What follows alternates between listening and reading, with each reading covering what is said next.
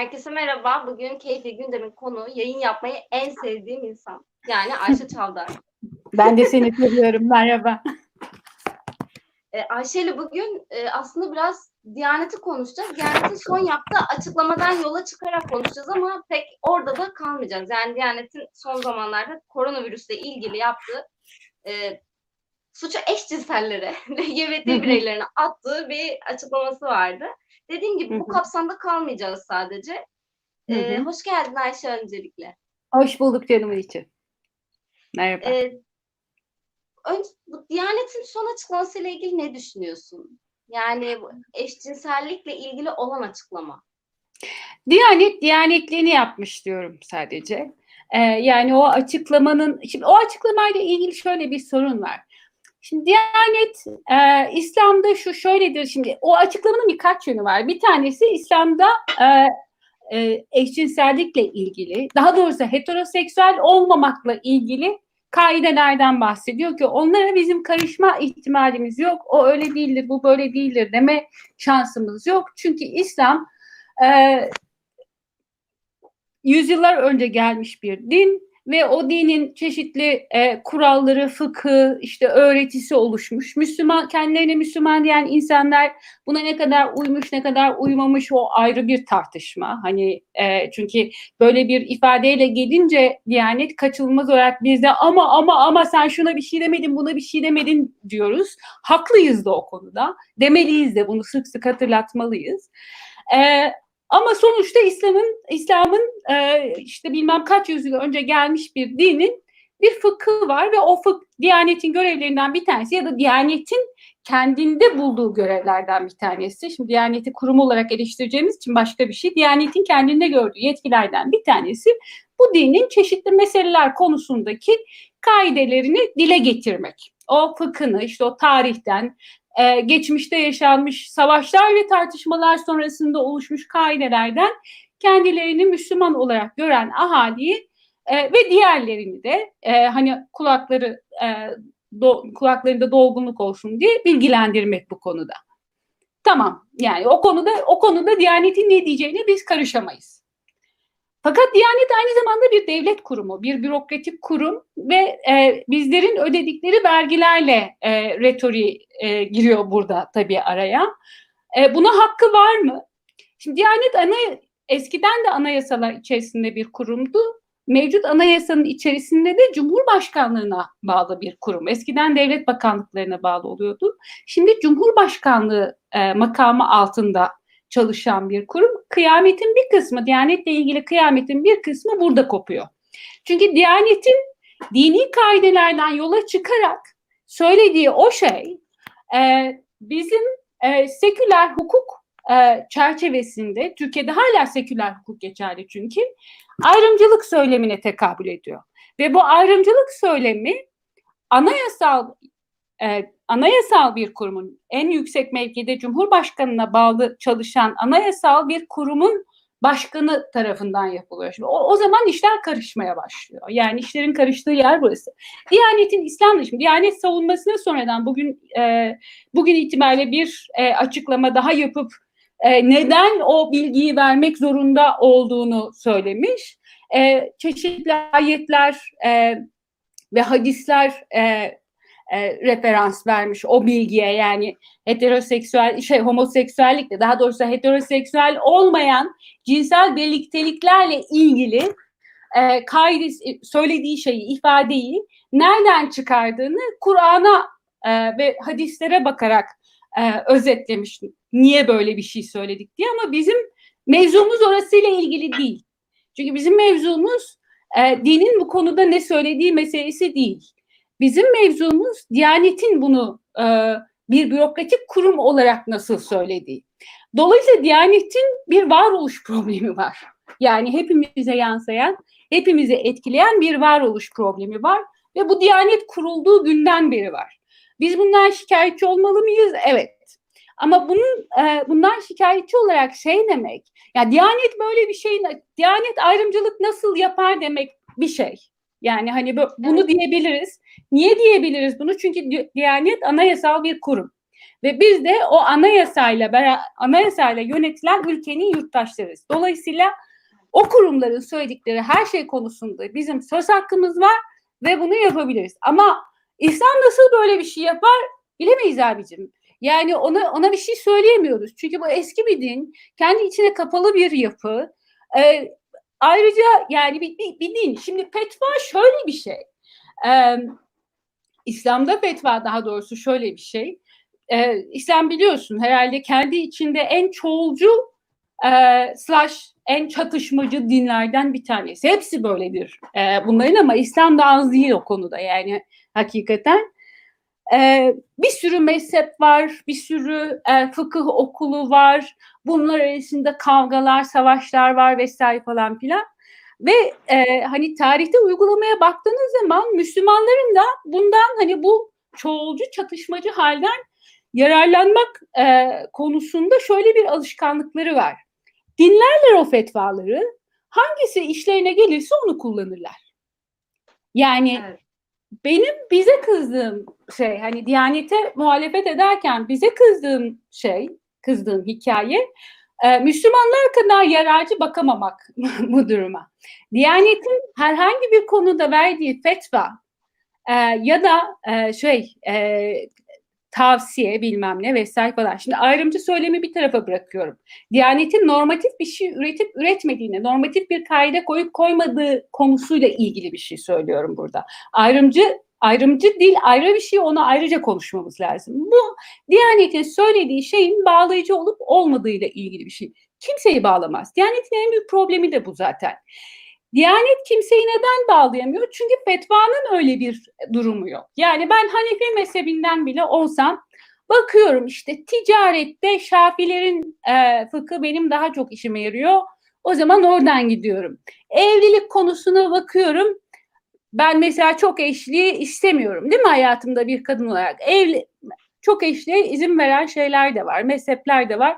Ben diyorum ki ya bu maturidilik vermiyor izin. Yani çok zorlaştırmış. Ben ben bu mezhepte yani hani bu nikah nikah işlerinde ben şu mezhebi bakayım. Bu fetvalar denizinde işime geleni seçebileceğim bir şey. Yani hani varsa İslam'ın bir numarası zaten burasında var. Çünkü o merkezde bir e, kilise, o kilisenin söylediği doğru vesaire falan filan öyle bir şey yok. Olmuyor. O benim ilanıma kalmış durumda biraz. Yani Hatta bu işlerin en eskisi El Eser hani o komik komik fetvaları duyduğumuz yok işte komik ve trajik e, diyeyim işte öldükten sonraki 6 saat içerisinde kadınla e, kocası hala beraber olabilir falan gibi yani şeyleri duyduğumuz El Eser'de bile üstüne parasını veriyorsunuz. Yani gidip parasını veriyorsunuz ve canınızın istediği şeyi çıkartıyorsunuz fetvayı. Bu işleri Müslümanlar sekülerler kadar ciddiye almıyorlar. Yani gene e, mevzu geçen gün e, ortak bir arkadaşımız sizin Instagram e, şeyinizde söylemişti, yayınınızda söylemişti hatırlarsan beraber yaptığınız annesinin söylediği şey. Her dediklerine de inan, inanacak mıyım canım? Yani hani hakikaten her dediklerine de inanılmıyor bunların. Yani gitseniz bir tarikata bu şeyde de hani etnografik olarak da gözlediğim bir şey. Gidiyorum bir tarikata üyeyim, bayılıyorum, şeyhime çok bağlıyım bilmem ne vesaire falan filan. Ama şeyhim bana diyor ki o çayı bak çay içiyorsun o çayı içmeyeceksin. ben gene de içiyorum yani hani ben gene de içiyorum. Ee, bu her dinin yapısında bir miktar olan bir şey İslam'da biraz daha çok olan bir şey. Çünkü dediğim gibi fıkıh da çoğulcu. Yani komşu hocalara gidiyorum farklı şeyler söylüyorlar. Aynı e, mezhepten hocalar farklı şekilde düşünüyorlar. Bu çok kavga götürmüş bir şey bütün İslam tarihinde. Biz ama e, tabii kafamızı karıştıran şey şu yani Diyanet anayasal bir kurum olduğu için, bir bürokratik kurum olduğu için ve gene o retorik vergilerimizle e, ay- ayakta duran bir kurum olduğu için e, sanki devletin başka organları gibi onun da normatif e, bir kurum olduğunu düşünüyoruz. Daha doğrusu şöyle tehlikeli bir şey yapıyoruz muhalefet ederken. Bu kurum normatifmiş gibi davranıyoruz ve bir alışkanlık yaratıyoruz o bürokratik organizma içerisinde. Ben bunun çok tehlikeli olduğunu düşünüyorum. Bizim e, Diyanet bu türden atraksiyonlar yaptığında verdiğimiz tepki e, bence Diyanet'in bürokratik mekanizma içerisindeki yerini güçlendirmeye yarıyor yalnızca. Bunu istersen daha sonra da açarız. Sen, sen de biraz konuş. evet yani şey aslında dediğin gibi İslamiyet'te de bu e, mezhepler arası geçişe de gerek kalmıyor benim bildiğim kadarıyla. Örneğin Yok. Hanefi mezhebinde e, kadınlar yolculuk yapamıyor ama işte otobüse binip tanımadığın diğer kadınlarda olduğu için işte Tabii canım. şafiliği, şafiliği taklit ederek yapabiliyorsun bu yolculuğu.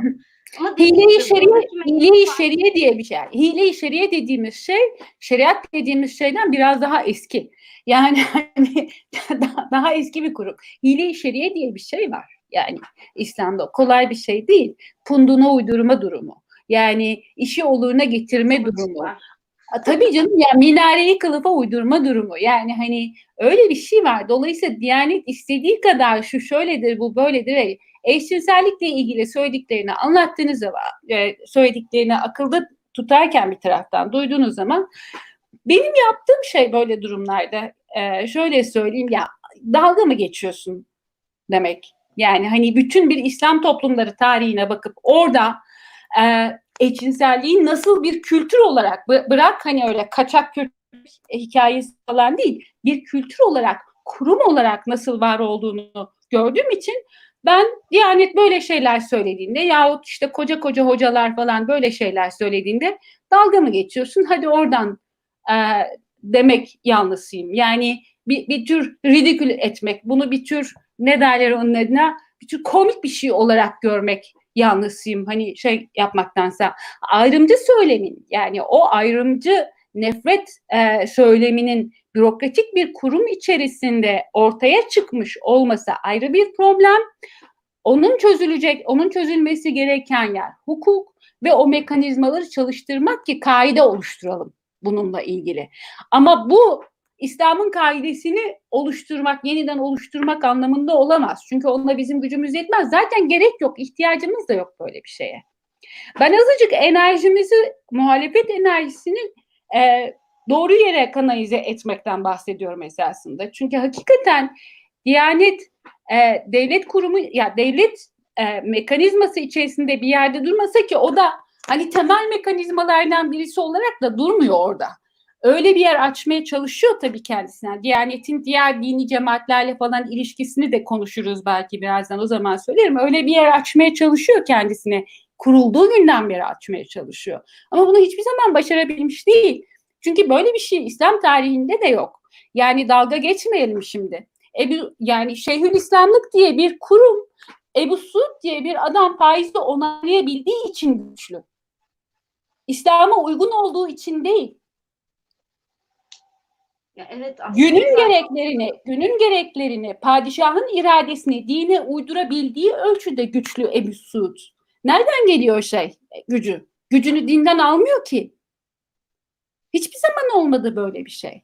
Yani hani e, şeye bakıyorsun ya Osmanlı çok hukuklu diyor mesela değil mi? Bunu, bunu böyle acayip söylüyor. Osmanlı çok hukuklu gayrimüslimlerin hukukuna da izin verdi, şuna da izin verdi, buna da izin verdi bilmem ne vesaire falan.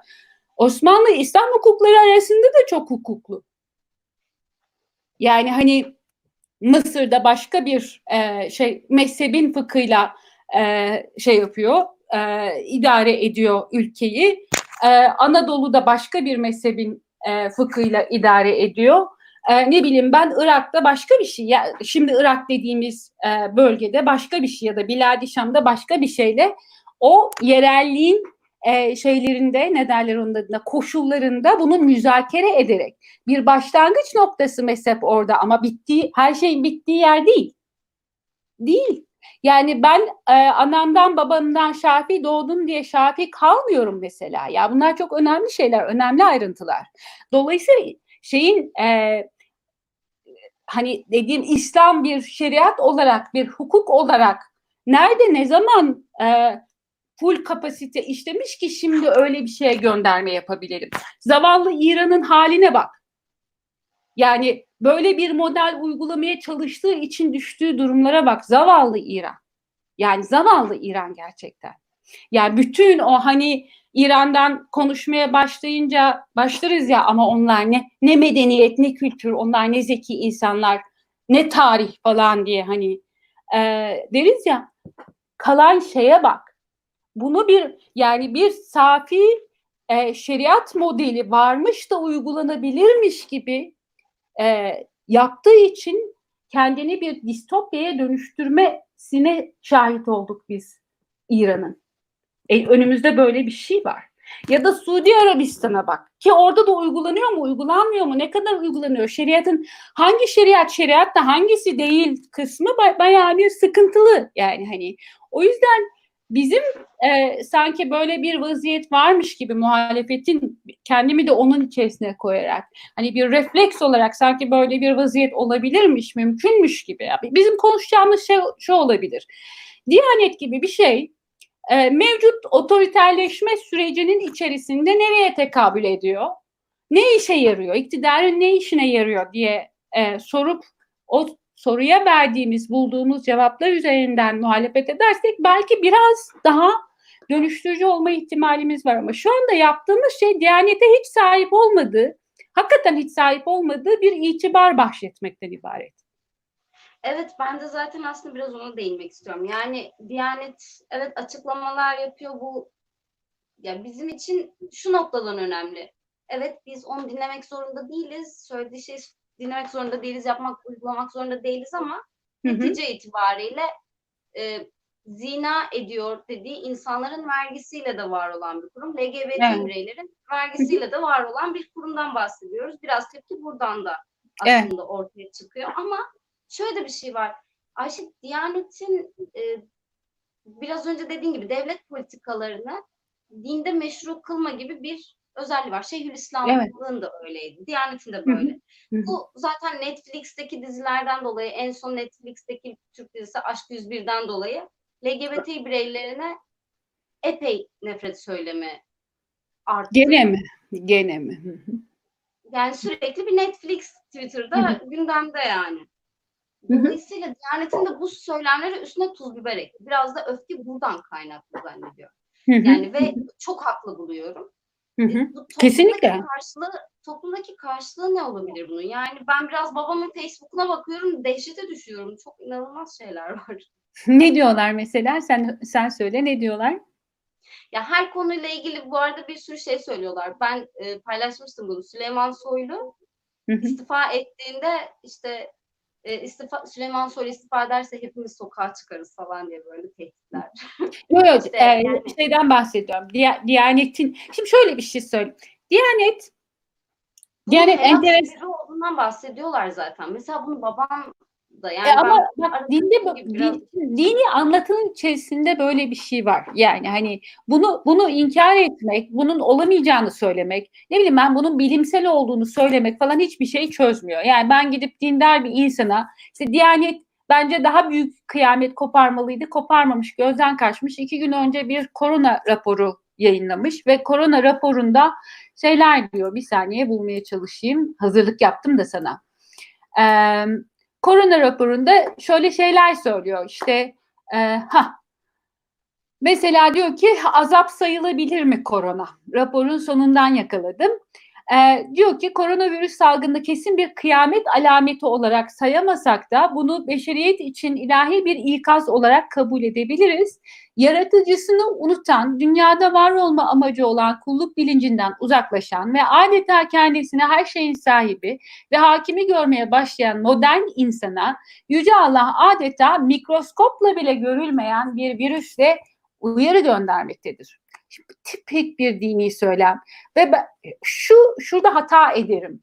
Ee, ben e, bir bürokratik kurumdan tabii ki bilime dayanarak açıklama yapmasını beklerim. Şimdi bi- bizim kafamızı karıştıran da Diyanet'in kafasını karıştıran şey de dediğim gibi onun varoluş problemi. Ama bir dini kurumdan bilimsel açıklamasını yapmasını beklemem. Niye bekleyeyim? O dini kurum. Yani di, bu arada dini kurumun başındaki adam ya da hacı hoca her kimse çok iyi bir bilim eğitimi almış olabilir. Ee, bir salgının e, ya da bir e, şey e, doğal fenomenin mesela nedenlerini gerçekten araştırabilir, bilebilir, açıklayabilir. Ama bir e, e, din adamının, din insanının görevi bilimsel açıklama yapmak değildir. Yapmayacak tabii. Ne yapacak? Diyecek ki bunu kendimize bir uyarı olarak alalım. Demek ki yoldan çıktık. Allah diyor ki korona vesilesiyle çünkü din, dinde öyledir. Her şey bir vesiledir. Yani bu e, insanlar aya, güneşe, rüzgara falan taktıkları zaman taptıkları zamandan beri böyle. Yani dini dini bir olgu olarak bir insan davranışı e, şeysi olarak e, ne derler onun adına insan, insan zihninin e, çalışmasının bir fonksiyonu olarak kabul edersek eğer yerine oturtmuş oluruz. Böyle açıklayacak elbette. Nasıl açıklayacak? Şöyle mi diyecek? Yani işte Çin'de şöyle bir şey oldu ya da biz doğayla şu ilişkimizi bilmem ne yaptık vesaire. O bizim işimiz. O bil- hatta bizim işimiz bile değil. Yani o bilim insanların işi. Yani e, epidemi mes- meselesi meselesini, pandemi meselesini, virüsleri falan çalışan insanların işi.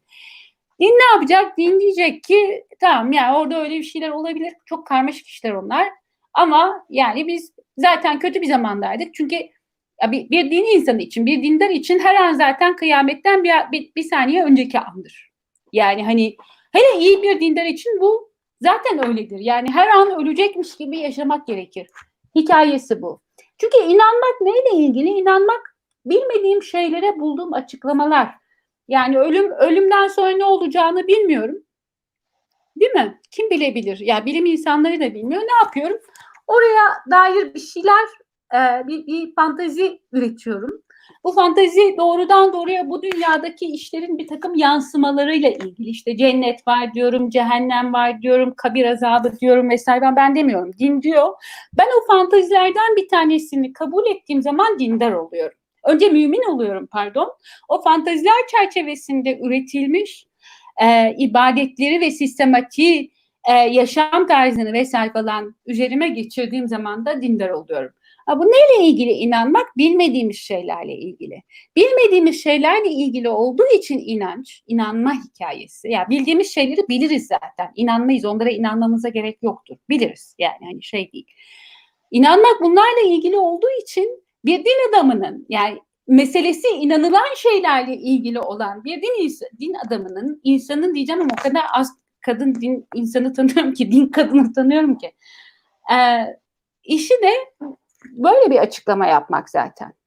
Bilinemeyenlerin arasını bil, bilmeyip de korktuklarımı, korktuğumuz şeyleri Allah'la doldurmak. Ona dair hikayeyle doldurmak. Anlatabiliyor muyum? Böylece bizi o dinin terbiyesi içerisine sokmak. Zaten bunu yapacak din insanı. Gene burada problem, şu açıklamadaki problem din açısından değil bence. Çünkü oraya zaten nüfuz edemeyiz. O zaten böyle bir şey değişmeyecek. Yani şu türlü şöyle söyleyeyim.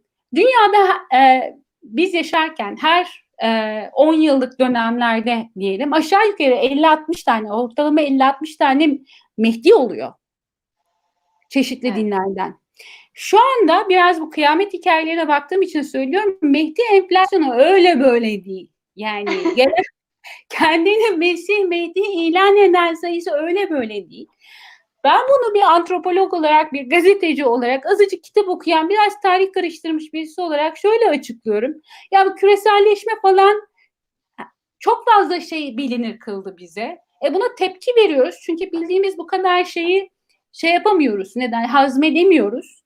Dolayısıyla onları bilmeyi reddediyoruz ve bir yere çekilme hissi içerisindeyiz. Din de o çekildiğimiz yerlerden bir tanesi. E kıyamet de gelsin çünkü din şey dünya zaten başka bir yere gitmiş vaziyette. Yani hani biz bunu kaldırabilir durumda değiliz. Buna uyum sağlayabilir durumda değiliz. Bari bu yok olsun. Anlatabiliyor muyum? Şu an 180 küsür falan şey var. E, Mesih var dünyada. Var mı o kadar ya? Evet. Ben bir tanesini biliyorum. Ama o çok aklı başında. Bir Mesih olmak için çok evet. aklı başında o. Yani hani yani biliyorum. Çok değil, ideal bir peygamber gibi konuşuyor bilmiyorum. Yani kıyametten bahsetmeyeni şu an kıyametten bahsetmeyen dinleri dövüyorlar. Yarın olacakmış gibi kıyamet yarın olacakmış gibi yaşıyoruz. Böyle bir durumda dini histerya daha doğrusu dini inancın histerya biçiminde ifadesi inanılmaz e, tap yapmış vaziyette hani zirvede ve e, yani doğa da bu işi çok kolaylaştırıyor. İşte korona çıkıyor, volkanlar patlıyor, işte hava ısınıyor, bilmem neler oluyor, tuhaf yeni türler bulunuyor vesaire falan. İşte uzaylıları konuşuyoruz. Ee, acayip komplo teorileri. Dolayısıyla bu doğal bir durum. Yani bu hakikaten hani nasıl şeyin hayvanların doğası varsa insanların da bir doğası var. İnsanlar şu anda güvenin her yerinde çok korkmuş vaziyetteler. Bu korku zaten dindarlığı çok yükselten bir şey ve kıya şeyin Diyanet'in korona söylemi bunun dışında bir anomali oluşturmuyor. Bütün hikaye Diyanet'in bürokratik bir kurum olması. Şunu demeye çalışıyorum. Diyanet'in kapanması gerekiyor. Diyanet'in ortadan kalkması gerekiyor. Diyanet'in bürokratik mekanizmanın dışına çıkarılıp diğer cemaatler gibi hani bak e, Türkiye'de çünkü gayrimüslimlerin e, varlığı tanınan gayrimüslimlerin kendi cemaatleri var. Varlığı tanınmayan e, Müslüman cemaatler var ayrıca bir de. Onlar zaten yokmuş gibi davranılıyor. Diyanet'in bürokratik mekanizmasının dışına bir mekanizmanın dışına çıkarılıp denetlenebilir bir kurum haline gelmesi gerekiyor. Hem sivil toplum tarafından hem devlet tarafından denetlenebilir bir kurum tarafından kuruma dönüştürülmesi gerekiyor. Şimdi başlangıçta Diyanet işte beni hala ne çalışıyor? Devlet dini denetlesin diye. Hani bir, bir, bir din olsun, o dinin asgari müşterekleri olsun, böyle çok da şeylerine gidilmesin, hani uçlarına gidilmesin diye kurulmuştu. Çok uzun yıllar boyunca bir e, Trojan horse gibi hani bir Truva atı gibi çalıştı yani e, bürokratik mekanizmanın içerisinde. Ve 1990'larla beraber aslında AKP döneminde değil 1990'larla beraber önce kapıları cemaatlere açıldı. Sonra o cemaatlerle beraber e, o cemaatlerin içinde rekabet ettiği ama aynı zamanda o cemaatlerin üzerinde söz söylemeye çalışan ve gücünde söz geçirebildiği e, o cemaatlerden alan bir yapıya dönüştü. Şu andaki zaten hani mevcut anayasanın oluşturduğu bürokratik mekanizması, devlet mekanizması o kadar belirsiz, her şey o kadar oturmamış vaziyette ki bunun içerisinde kendisine yer bulmaya çalışan bir grup insan e, Diyanet. Ve e, bütün bu kötü mirası temizlemeye tek yolu var hakikaten. Diyaneti bürokratik mekanizmasının, mekanizmanın dışına çıkarmak, ha, bu ayrımcılık vesaire falan gibi söylemleri hem sivil toplumun denetimini açmak, e, Diyaneti hukuk karşısında sorumlu kılmak, yani ben Diyanete dava açabilmeliyim. Diyanete dava açtığımda Ankara Borusu'nun yapıldığı gibi benim hakkımda soruşturma açılamamalı. Olmamalı. Ya ben Diyanete ben Diyanet'e laf söylediğim zaman devlete laf söylemiş olmamalıyım. Devlet Diyanet'le benim aramdaki çatışmaya çözüm bulan bir taraf olmalı. Bu devletin elinde güçlendirir bu arada. Değil mi? Ama o çatışma dinin içeriğiyle ilgili olamaz. Yani hani bizim duracağımız yerde orası. Dinin içeriğiyle ilgili olamaz. Neyi negotiate edeceğiz bu durumda? Hani din gene böyle şeyler söylemeye baş, devam edecek. O zaman bunun ifade biçimlerini e, müzakere edebilmeye başlayacağız böyle bir durumda.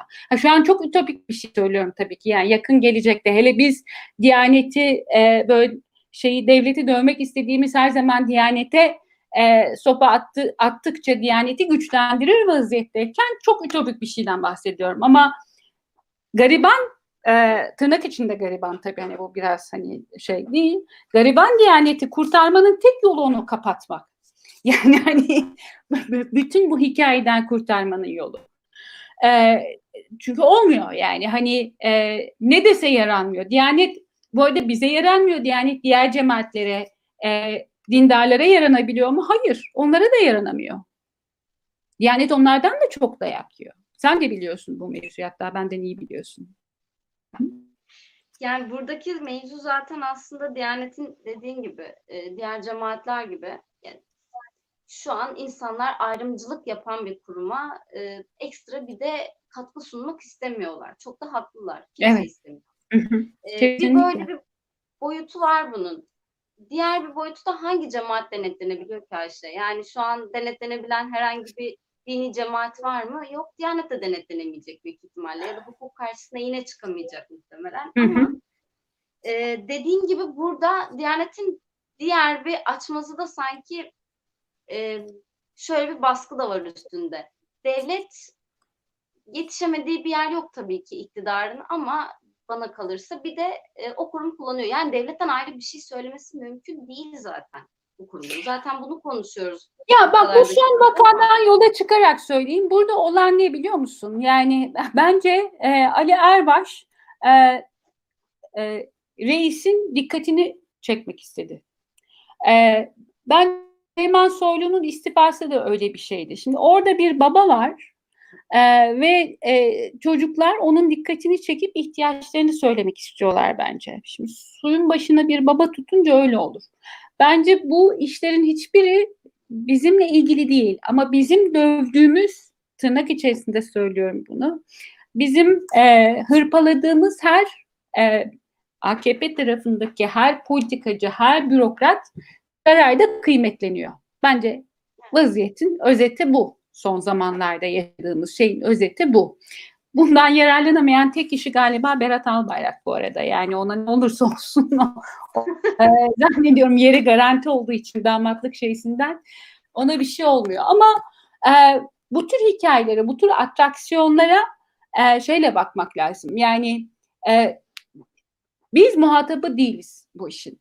Bunu biraz daha geriden başlayarak e, söylemek istiyorum. Bir şey hatırlıyor musun? Şimdi geriden başlamamın sebebi tekrar Diyanet'e döneceğim ama hani bunun mantığını e, biraz son zamanlarda fark etmeye başladığım için söyleyeyim. E, Gezi Parkı'nda, Gezi, Gezi e, direnişinde bir evde tutulan yüzde elli vardı biliyorsun. Bütün hikaye o yüzde elliyi kontrol altında tutmakla ilgili. E, ve genellikle hani şu kutuplaşma söylemi falan diyoruz ya, bize atılan dayak da yani muhalefete atılan her türlü dayak da orayı e, kontrol altında tutmakla ilgili bizi değil. Ben bu şiddetin, muhalefete uygulanan şiddetin muhalefeti azaltmaya yönelik olduğunu düşünmüyorum uzunca bir zamandır. Çünkü mantığı yok öyle. Yani hani olmadı. Yani yıllardır dayak atıyorsun, atıyorsun, atıyorsun. Muhalefet hala büyümeye devam ediyor. İnsanlar da muhalefetten vazgeçmiyorlar. Bir yolunu buluyorlar. İlle de hani e, laflarını söylemenin. O yüzden ben Türkiye'nin göz yaşartıcı, Türkiye'de muhalefetin, toplumsal muhalefetin, partili örgütlü muhalefetin değil ama toplumsal muhalefetin cidden göz yaşartıcı bir şeyle e, ne derler performansla varlığını sürdürdüğünü düşünüyorum ve gurur duyuyorum bununla. Yani bu anlamda Türkiye'deki toplumsal muhalefette hakikaten bir parçası olmakla varlığını bilmekle gurur duyuyorum. Türkiye ile muhalefet üzerinden gurur duyuyorum partili muhalefeti söylemiyorum ama hakikaten hepsi dökülüyorlar. Ee, şimdi ne yaparsan yap orayı susturamıyorsun. Ve sesler yükseldikçe yükseliyor. Yükseldikçe çünkü haklılaşıyor bir taraftan da. Çünkü hani vaziyet ortada, manzara ortada.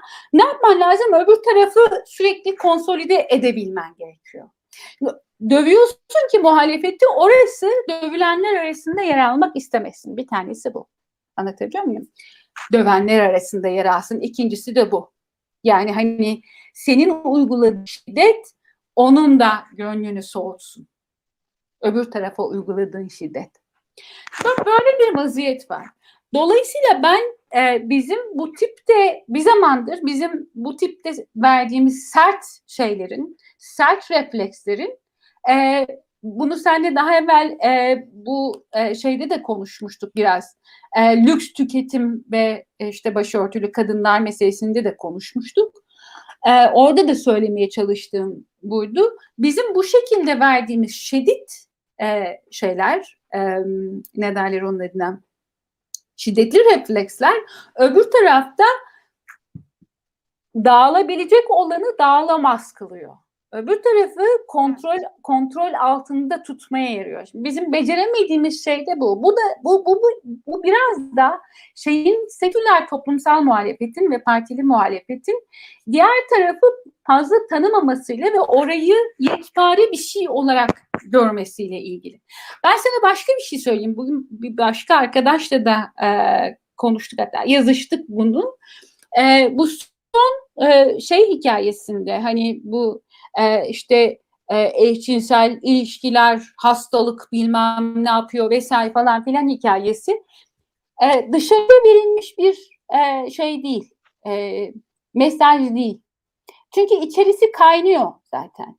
Yani bu kadar para bulununca, bu kadar ilişkiler şekillenince, e, şeriatın e, hile yapılan e, şeyleri hani iktidarda olunduğu için şeriatın hile yapılan kaidelerin sayısı artınca başka şeyler de olmaya başladı. Yani oralarda da hayat tarzı tercihleri, yönelimler, eğilimler e, dillendirilmeye başladı.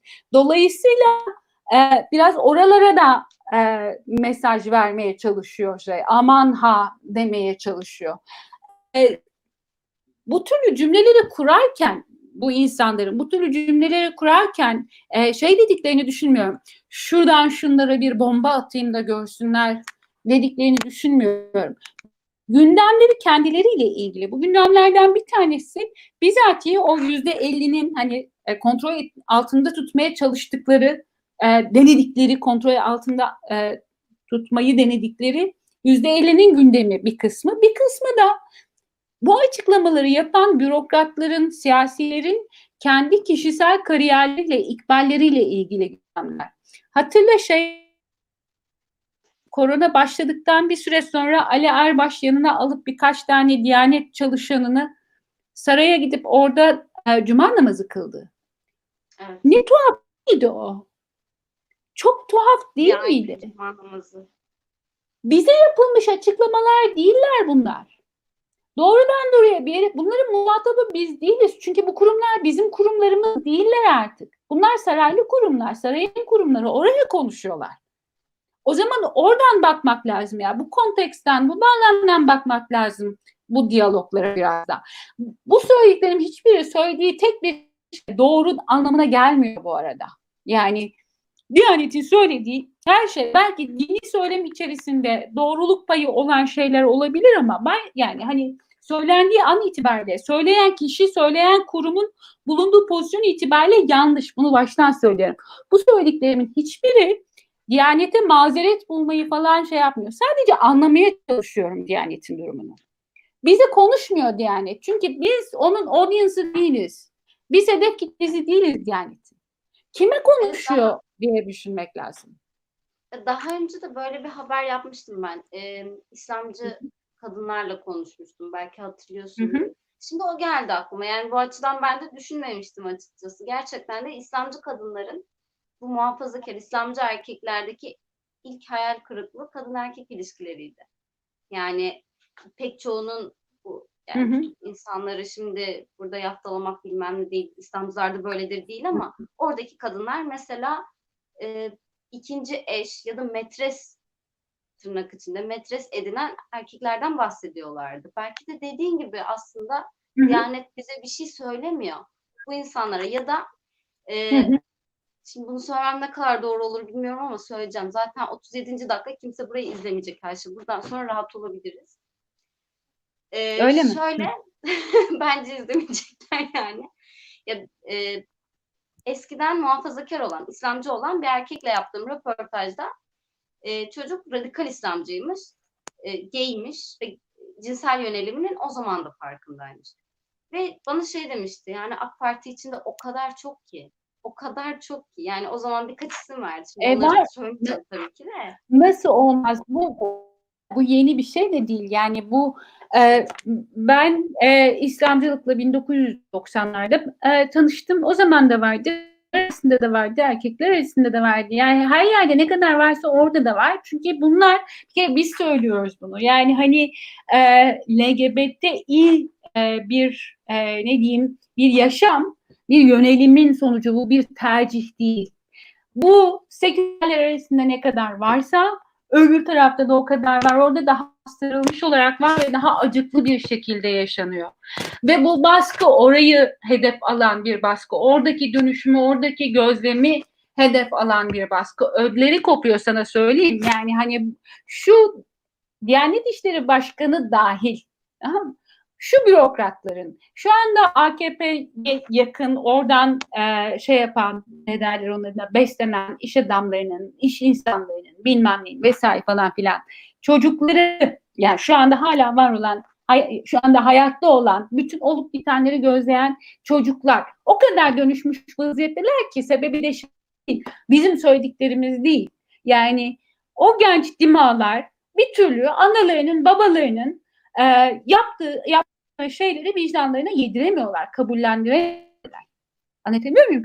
Üst orta sınıflardan bahsediyorum. Şimdi yoksullar e, sosyal yardımlar vesaire falan e, aracılığıyla şeyden AKP'den sebeplenenler onlar ayrı. Çünkü analarını babalarını şeyde görmüyorlar. Zulüm yaparken görmüyorlar tırnak içerisinde. Onlar görmüyorlar. Anaları babaları onların hala çok gariban. Ama üst orta sınıf yani AKP ile işbirliği yaparak sınıf atlamış olanların çocukları durumun gayet farkındalar. Çünkü çocuk dima olmuyor, almıyor bunu. Yani hani bunu kabul etmiyor. Çünkü çocukken her şey bize çok sert gelir. Mazeret bulamayız öyle kolay kolay. Ben kendi çocukluğumu hatırlıyorum. Ben kendi çocukluğumu hatırlıyorum. İlk yani hep öyledir yani. İlk dönüp ya ne, ne yapıyor benim annem falan olurdu ya da ne yapıyor benim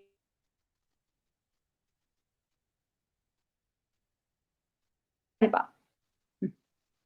Yani e, Dolayısıyla orada da böyle bir şey var. Bu bu Evet, evet. sert açıklamalar o yüzden de bizi e, hedef almıyor. Bu sert açıklamaların tamamı bu insanların kendi çoluğunu çocuğunu, kendi etraflarında gördüğü insanları, ne bileyim ben İmam Hatip liselerinde gördüğünü, imamlar arasında gördüğünü, oralarda olan bir şeylerden endişeyle söyleniyor bu laflar çoğunlukla bence.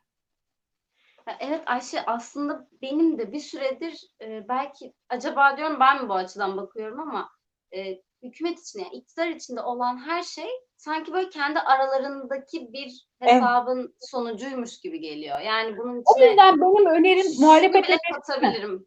Ya şunu bile katabilirim. E, işte e, Abdülhamit Gül'ün bir paylaşımı vardı. Mustafa Kutlu'nun Ya Tahammül Ya Sefer kitabından Evet. alıntılayarak. Hı hı. Mesela o bana içerideki böyle başka bir çözülmenin olabileceğini düşündürmüştü. Çünkü o kitabı ben okuduğumda aklıma gelen tek şey şu. Ortada bir masa var, etrafında toplanan insanlar var, dava var, kavga var, çabalayan insanlar var ve bir müddet sonra masanın dışında hiçbir şey kalmıyor. Hı hı, hı hı, hı. O masanın Çok etrafındaki öğrenci gidiyor, akademisyen işte hocaları ölüyor ya da bir şeyler oluyor. Bir şekilde uzaklaşıyorlar. Aslında Abdülhamit Gül'ün orada yani bir ihtimal şey düşündüm. Acaba ortada AKP'den geriye bir masa kaldığını mı düşünüyor? Ee, bence masa bile kalmamış olabilir ortada. Çünkü AKP diye bir şey yok artık, saray diye bir şey yok. Yani masaya da el konmuş durumda. Yani küçük bir grubun, bir aile ve e, dostlarının e, şeysine kazanımına dönüşmüş vaziyette onlarca yıllık bir mücadele. E, o yüzden şey değil, e, kolay değil bunu kabul etmek. Bir de şunu da düşün. Yani herkesin eşi dostu var. E, şeyde hani kamusal alanda seninle ilgili e, parçası olduğun siyasi iktidarla ilgili öyle şeyler duyuyorsun, öyle şeyler söyleniyor ve sen de bunların ne ne kadar gayet iyi o söylenenlerden daha çoğuna bakın ne kadar taşıyabilirsin bunu? Yani ya hakikaten kör küçük zalim olman, kötü olman lazım. Birçoğu oraya geç, yani bir kısmı, birçoğu değil, küçük bir kısmı oraya geçmiş olabilir ama geriye kalan insanlar için eskiden gelenlerden bahsediyorum. Yani AKP'ye yeni girmiş olan ama AKP ile alakası olmayan bir sürü insan da var ve zaten hani onların oralarda olması da bununla ilgili bir durum. Görüyorsun diyor, ne kadar katlanabilirsin? Yani taş olsan çatlarsın böyle bir vaziyette. Ne kadar katlanabilirsin? O yüzden mesela dil sürçmeleri falan çok fazla olmaya başladı farkındaysan. Çünkü ben iddia ediyorum birçok üst düzey AKP'liyi çok eskiden beri yani gençliğimiz birlikte geçtiği için onlar benim abilerim, ablalarım oldukları için söylüyorum. Birçoğu ne yaptıklarını ve bunun karşılığının ne olduğunu bizden daha iyi biliyorlar. Durduramıyorlar kendilerini iki sebeple. Bir tanesi durdukları anda AKP'nin en büyük trajedilerinden bir tanesi budur. Durdukları anda düşerler çünkü çok hızlı başladılar ve çok hızlı gittiler. Yani AKP hep hızla giden bir arabaydı. tren falan değildi ya da gemi değildi. Hani şeyde otoyoldan düşün. Yani o otobanlarda hızla giden bir arabaydı. Bunun bittiği yerde görüyor yolun bittiği yerini. Ne kadar frene basarsa ba- bassın gene de o uçurumdan aşağı düşecek. Bunu hepsi görüyorlar. Ve bu panik dillerine ben e, öyle bakmayı seviyorum mevzulara. Yani hani grand e, ne söylüyorlar, ne öneriyorlar vesaire falan hikayesinden çok bu adamlar kim? Yani nasıl dönüşüyorlar? Ne, bu adamlara ne oluyor? Hiç empati kurmaya falan çalıştığım için değil bu. Ama siyaseti biraz da o aktörlerin kendi dönüşüm süreçleri olarak algıladığım için düşünüp de gö- görüyorum yani çünkü onların gençliklerini biliyorum. O işlere nasıl girdiklerini biliyorum. Ne bileyim ben o insanların mitinglerde atıyorum bir Bosna mitinginde attıkları sloganları biliyorum. Şu bugün arkasında durdukları Diyanet'in Diyanet için bir zamanlar e, cinayet işleri başkanlığı dediklerini biliyorum. Yani biliyorum da biliyorum öyle olunca yani ben hatırlıyorum 90'larda nasıl biri olduğumu hatırlamıyor mudur sence şu anda sarayda bulunan e, insanlar 90'larda ne dediklerini, ne yaptıklarını, nereden nereye geldiklerini bilmiyor olmaları mümkün mü? Kimsenin bu kadar e, kör olduğunu kendine düşünerek hareket etmek istemiyorum. Çünkü o zaman hakikaten nihilist ve karamsar oluruz. Benim kişisel olarak siyasetim o insanların da bunun farkında oldukları üzerine kurulu. Böyle olunca hakikaten trajik bir durum e, var ortada. Hakikaten çok büyük bir trajedi var ortada. Öyle böyle büyük bir trajedi yok. Kendi dönüşümleri herkesin gözünün önünde oldu. Bu insanlar yandılar. Tek umutları her krizde bağlandıkları umut Zümrüde Anka kuşu gibi aklanarak o krizden çıkabilecekleri bu kriz söyleminin krizi fırsata dönüştürme, kriz bağımlısı bir siyaset haline gelmelerinin sebeplerinden bir tanesi de bu. Her bir krizde yandıklarını görüyorlar çünkü. Oradan bir yeniden doğuşla çıkmak gibi bir e, şeyleri var. E, son çareleri var. Bu çaresizliğin göstergesidir. Hani krize bu kadar şey yapmak. Olamıyor bir türlü. Olmuyor. Olamıyor. Çünkü kendi aralarındaki ilişkiler ve rekabetler buna mani. Çürüme öyle bir boyuta gelmiş vaziyette ki bütün o küllerin arasında yeniden doğacak bir tane bir tane hücre bulamıyorlar. Bunlar çok trajik işler Büşra. Yani bunlar bunlar hiç kolay işler değiller. Ve bunlar dışarıdan görülebilen işler de değiller. Muhalefet muhalefetin şöyle bir e, sorunu var. Muhalefet belli ezberler üzerinden gidiyor. Yani şu AKP'nin e, liderlik ettiği çürümeye bir insani durum olarak bakmıyor.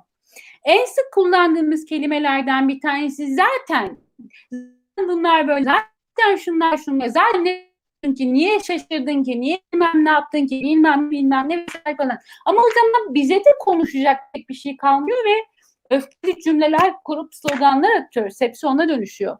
Fakat e, şeye ihtiyaç var. Türkiye'nin sorunu sadece AKP ile ilgili bir sorun değil. Türkiye, Türkiye çok ciddi bir biçimde toplum olma niteliklerini kaybediyor bu katlı e, şey yüzünden. Hani kendi ha, bir diğer tarafa doğru harekete ihtiyaç var. Bu yeniden inşa edilmesi için. Diyanetten Evet. nerelere geldik affedersiniz. düzelttim. Ay evet. evet komşunun komşusunu ihbar ettiği bir dönemi yaşıyoruz uzun bir süre. Ya o hep vardı Türkiye'de ama yani e, daha beter beter şeyler olmaya başladı. İşte bugün e, Suriyeli Ali'nin 17 yaşında çocuğun e, kalbinden ve kasından belli ki kaçmıyor da arkadan değil. Hani aklıma e, Hazreti Yusuf e, mesele geldi Kur'an'daki. E, arkadan vurulmuş değil. Yusuf'un e, Yusuf peygamberin gömleği arkadan mı önden mi çekildiği hikayesi var ya. Eğer kaçıyor olsaydı arkadan vurulurdu. Ali önden vurulmuş, kalbinden ve kasından vurulmuş. Ve insanlar tweet atabiliyorlar. Ekmeğimizi yedi diye. Hem ekmeğimizi yiyeceksin hem bizim kanunlarımıza uymayacaksın. Sonra bu Tekstil atölyesinde çalışıyor Ali. İzin vermemişler. Oraya gitmeye çalışıyor. O esnada.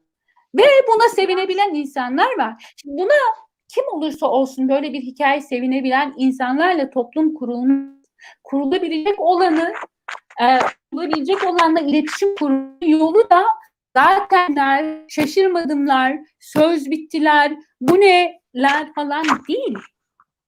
Ba- başka bir şey olması lazım. Ne olduğunu ben söyleyemem ama o yani hep beraber bir şey bulmamız lazım. Evet, o kadar doğru ki yani ezberletilmiş bir süredir bir takım e, ifadeler var herkesin ağzında ve e, benim gördüğüm en son bu yayına girmeden önce baktığım kadarıyla polisimizin yanındayız. Böyle bir şey olduğuna inanmıyoruz. Yok işte hikaye uyduruyorsunuz. İşte Burcu Karakaş bir bilgi geçmiş, haber geçmiş. E, savcılık dosyasından alınmış. Burcu'ya uydurdun diyen insanlar var. Gerçekten bu ülkede hiç mi polis çocuk öldürmedi? Bu ülkede polis çoğu kez çocuk öldürdü, insan öldürdü ve halen inanamıyorlar. Üstüne üstlük de göçmen olması ayrı bir öfkeye getiriyor ne yazık ki. Hı hı. Ayşe çok teşekkür ederim. Gerçekten de- Diyanet'ten buralara geldik. Çok güzel. Ee, yani bence çok ilişkisiz de hakikaten şey değil çünkü e, ne derler onların da. E, Diyanet'te bu manzaranın bir tamamlayıcısı yapabildikleri ve yapamadıklarıyla ilgili e, beraber ama hakikaten şey değil yani e, toplum olma niteliklerini kaybediyor Türkiye'de yaşayanlar o, o, müştereklerini kaybediyorlar e, giderek şey. Ve muhalefet bununla ilgilenmektense pozisyonunu korumaya çalışıyor. Partili muhalefetten bahsediyorum. Pozisyonunu korumaya çalışıyor. Bence acıklı olan şey, Türkiye ile ilgili en kötü şey bu. Çünkü iktidarlar, uzun sürmüş iktidarlar tabii ki bu şekilde sonuçlanırlar. Yani uzun sürmüş iktidarlar, iktidar olanları da idare edilenleri de kürtürler. Bu çok normal hakikaten. Yani bir, bir ha bu normali bozmak gibi bir e, derdimiz var. Fakat anlaşılan uzun süre muhalefette kalmak da bir tür çürüme yaratıyor.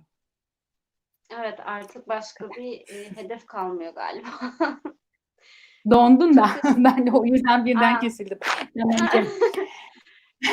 Tamam. teşekkür ederim. Ben Ee, teşekkür ederim. bayan- İyi akşamlar. İyi akşamlar. İyi akşamlar.